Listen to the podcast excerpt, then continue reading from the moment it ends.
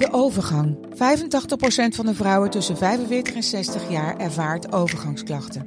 Klachten die kunnen leiden tot een verkeerde diagnose of langdurige arbeidsongeschiktheid. Wat kun je doen als je overgangsklachten ervaart? Hoe maak je dit bespreekbaar op je werk? En als jouw medewerker bij jou komt, wat kun je als werkgever dan doen? Sector Instituut Transport en Logistiek heeft een kennisplatform ontwikkeld waar jij terecht kunt voor tips en adviezen. Wil je er meer over weten? Kijk dan eens op stl.nl/slash overgang. Audiohuis. Hoi, ik ben Tina Nijkamp. Elke werkdag blijf je op de hoogte van de kijkcijfers, het medianieuws en hoor je mijn kijktips. Dit is Tina's TV-update. Goedemorgen, het is 19 februari en het is weer een nieuwe week en dus een tijd weer voor nieuwe podcasts met vandaag. Kijkersvragen, een kijktip, heel veel kijkcijfers, want het was een heel interessant kijkcijferweekend. En nu eerst het medianieuws en dat gaat over Frederike Leeflang, want zij heeft een interview gegeven gisteren aan de Telegraaf en daaruit blijkt dat zij vindt dat de publieke omroep zoals we die nu in Nederland hebben, met al die omroepen, dat dat niet houdbaar is. Ook zij vindt dat er veel te veel omroepen zijn, dat dat naar beneden moet, dat dat eigenlijk veel minder omroepen moeten worden om het zeg maar ja, werkend te houden. Want zij zegt er zijn veel te veel keizerrijkjes. En eigenlijk zegt ze daar volgens mij mee veel te veel ego's. En dat is onwerkbaar. Nou, daar kan ik het wel in vinden. En ook dat rapport van Geel, dus dat is niet het rapport van Rijn, maar een ander rapport, het rapport van Geel, die zei dat al. Hè, dat er veel minder omroepen moeten komen. Dat er weer meer macht ook naar de omroepen moet. En minder naar de NPO. Want de NPO, die, ja, eigenlijk moet nu alles langs de NPO. En zij beslissen eigenlijk van uh, of een programma ja, door mag gaan of niet door mag gaan. En uh, nou goed, dat rapport van Geel zei al dat, dat, uh, ja, dat die omroepen daar weer meer over te zeggen moeten krijgen dan wat ze nu hebben. Nou, een opvallend interview in de Telegraaf. Het staat online en is ook vandaag te lezen in de krant zelf. Dan gaan we snel door naar de kijkcijfers. Want het was een heel interessant kijkcijferweekend. En dat begon al vrijdag.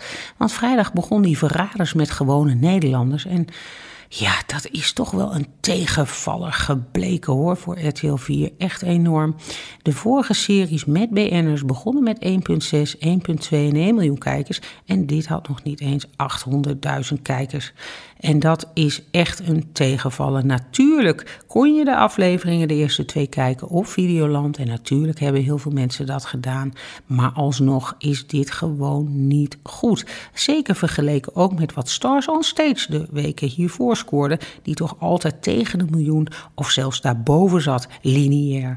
Dus natuurlijk wordt het nog wel veel uitgesteld gekeken. Maar ik denk en weet zeker dat RTL hier veel meer van had verwacht. Maar goed, het is ook wel, het zegt iets over dat Nederlanders gewoon toch houden van series, reality games met BN'ers.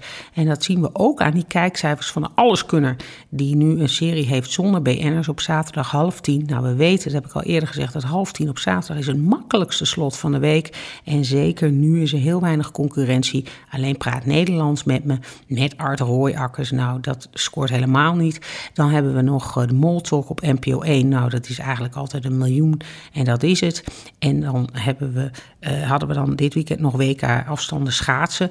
Maar goed, dat scoort ook gewoon nog niet eens 500.000 kijkers lineair. En vergeleken met die alles kunnen VIPs is dat ja, fors minder. En uh, wij zijn eigenlijk het enige land ter wereld waar we alle reality games, hè, van Wie is de Mol, Expeditie Robinson, alles kunnen, nou, noem allemaal maar op. Uh, en nu dus uh, de en voorheen de verraders met BN'ers doen. Normaal in alle andere landen doen ze dat altijd al met gewone mensen. Maar in Nederland, we klagen er altijd wel over. Oh, we zijn die BN'ers zo moe, kan het een keer zonder BN'ers? Nou, ik denk dat we er voorlopig niet van af zijn. Want Nederlanders vinden dat blijkbaar veel en veel leuker dan die gewone Nederlanders. Want het blijkt dus nu al uit die kijkcijfers.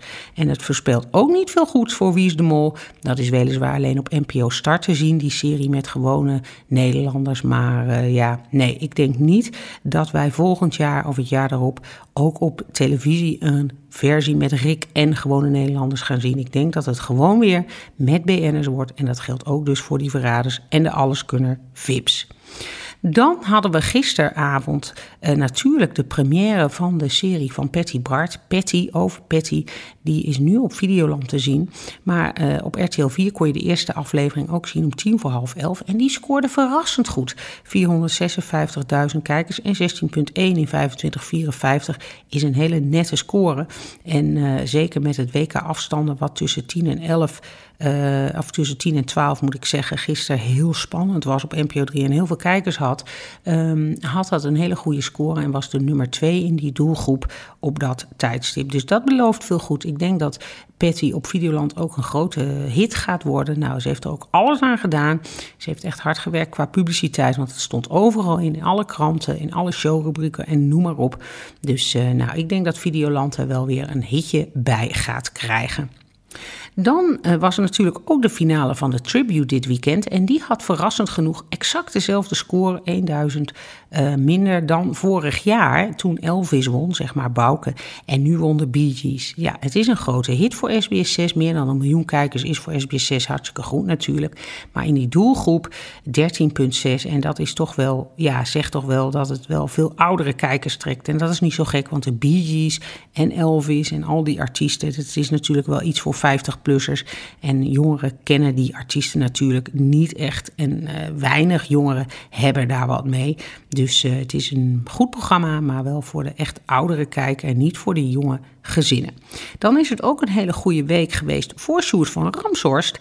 Die natuurlijk uh, begon als presentator van Met het Mes op tafel. En nu zijn die uitgestelde kijkcijfers ook bekend geworden. En wat blijkt, hij heeft gewoon een record gehaald. Hè, met meer dan een miljoen kijkers, een miljoen en kijkers. En zowel uh, Joost Prinsen als Herman van der Zand hebben met die quiz gewoon dit nog nooit gehaald, volgens mij. En uh, nou, dat is toch wel een goed begin, is het halve werk. Nou, dat gaat wel op voor Sjoerd. Want wie had dat verwacht dat het nog hoger ging scoren dan met Herman van der Zand, die natuurlijk ook al heel populair is. Dus voor Sjoerd denk ik vandaag een hele grote taart. Dan uh, ging gisteren nog van start De Wereld van de Chinezen. En dat is die serie van Ruben Telau. En dat was natuurlijk ja, ja, echt zo precies zo'n geval van heel erg slecht geprogrammeerd. Hè? Want dat is dus begonnen tegenover dat WK-afstanden schaatsen. En uh, nou, dat is altijd een groot toernooi. Schaatsen is heel populair. Dat scoort altijd rond een miljoen kijkers. En dan vind ik het raar dat je een nieuwe serie, terwijl ook al heel Holland bakt, een van ja, ook een grote kijkcijferhit. Hè? Had gisteren ook weer meer dan 2 miljoen kijkers dat je dan daar tegenover dat start. Ik had daar dan toch een weekje mee gewacht om die serie wat betere kansen te geven. En dat blijkt ook, want deze serie scoort gewoon maar de helft van die vorige serie die in 2021 liep. Toen een miljoen kijkers, nu maar 465. En dat is natuurlijk doodzonde voor een serie die de potentie heeft om wel een miljoen kijkers te scoren. En dat vind ik dus echt een gevalletje gewoon totaal verkeerd geprogrammeerd en onnodig. Nou goed, Um, dan gaan we nu naar de, naar de kijkvragen, kijkersvragen. En de eerste vraag is: waarom heeft SBS 6 9 niet dezelfde huisstijl als SBS 6? Ja, dat klopt. SBS 6 heeft natuurlijk een nieuwe huisstijl gekregen een jaar geleden. Uh, hebben ze dat logo iets aangepast en SBS 9 is daar niet in meegegaan. Nou, daar is eigenlijk maar één reden voor en dat is geld. SBS 9 is niet een hele belangrijke zender voor uh, Talpa. Het is een wegspeelzender, zoals dat heet. En dat hebben meerdere uh, zendergroepen natuurlijk. Kijk, een zendergroep koopt allemaal series en films aan. En op die series en films zit een aantal runs. En dat wordt dan boekhoudkundig in die ja, verschillende, zeg maar vier runs. Dan wordt dat ook in vier keer afgeschreven, boekhoudkundig. En daarom is een wegspeelzender zoals SBS 9 heel handig. Want kijk, een derde keer een B-film uitzenden op een hoofdzender, dat wil je natuurlijk niet. Daar zijn adverteerders ook niet blij mee. En, maar ja, je moet het wel wegspelen, want anders moet je het gewoon uh, ja, uh, zeg maar in de prullenbak gooien. En op zo'n wegspeelzender heb je in ieder geval kun je er nog wel wat aan verdienen. Omdat je dan met adverteerders een soort dealtjes kunt maken in adverteerderspakketten. En nou ja, heel ingewikkeld. Maar in ieder geval zo'n wegspeelzender heet dat dan. En SBS 9 is eigenlijk dat. En uh, nou ja, goed, dat is blijkbaar niet belangrijk genoeg om er dat logo op aan te passen. En uh, dus ik denk niet dat dat ook nog snel gaat gebeuren. Het is gewoonweg een niet belangrijk genoegen zender. Dan de volgende vraag. Ik hoorde in de podcast Vink dat je nee hebt gezegd tegen Afro-Tros, want te bestuurlijk. Wat bedoel je daarmee? Ja, dat klopt. Ik ben uh, dus ook gevraagd als uh, directeur Afro-Tros, heb ik daarin verteld, een tijd geleden. Maar ik heb daar meteen nee gezegd, omdat ik dat bestuurlijk vind. En wat bedoel ik daarmee? Nou, kijk, als je directeur bent van een omroep in Nederland, dan betekent dat eigenlijk dat je de hele dag aan het vergaderen bent. En eigenlijk helemaal niet met televisie maken bezig bent, maar meer met de verenigingsraad hier, de raad van toezicht daar, met uh, ja, allerlei overlegjes, uh, evenementen hier en eigenlijk heel weinig met televisie, want er is namelijk, elke omroep heeft namelijk ook nog weer eens een televisiedirecteur. Kijk, al die omroepen zitten vol met allerlei directieleden en als je dan de opperdirecteur bent, ja, ben je dus eigenlijk alleen maar aan het vergaderen. Dat past niet bij mij. Ik ben veel te pragmatisch daarvoor en daarom heb ik ook meteen nee gezegd, omdat ik daar gewoon heel ongelukkig van zou, zou worden. Ik ben meer echt iemand die het leuk vindt om met programmaschema's uh, in de weer te zijn. En om ervoor te zorgen dat de kijker thuis uh, ja, het gewoon uh, het beste schema krijgt wat hij kan krijgen. Dus vandaar.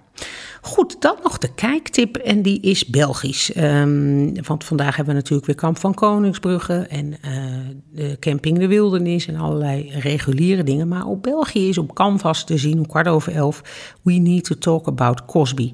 En dat is een eh, documentaire serie over Bill Cosby. We weten wel die held van vroeger uit de jaren tachtig van de Cosby Show. Waar ja, iedereen die in de jaren tachtig jong was altijd naar keek. En die later zo in opspraak is gekomen wegens uh, ja, seksueel misbruik. En daar is een documentaire serie van, die is niet nieuw. Maar als je hem niet gezien hebt, is die wel heel interessant. Op Canvas dus. Nou, dit was het weer voor vandaag. Ik wens je een hele fijne dag en tot snel. Dit was Tina's TV-update. Heb jij nou ook een vraag? Stuur me een berichtje via Tina Nijkamp op Instagram. Tot morgen!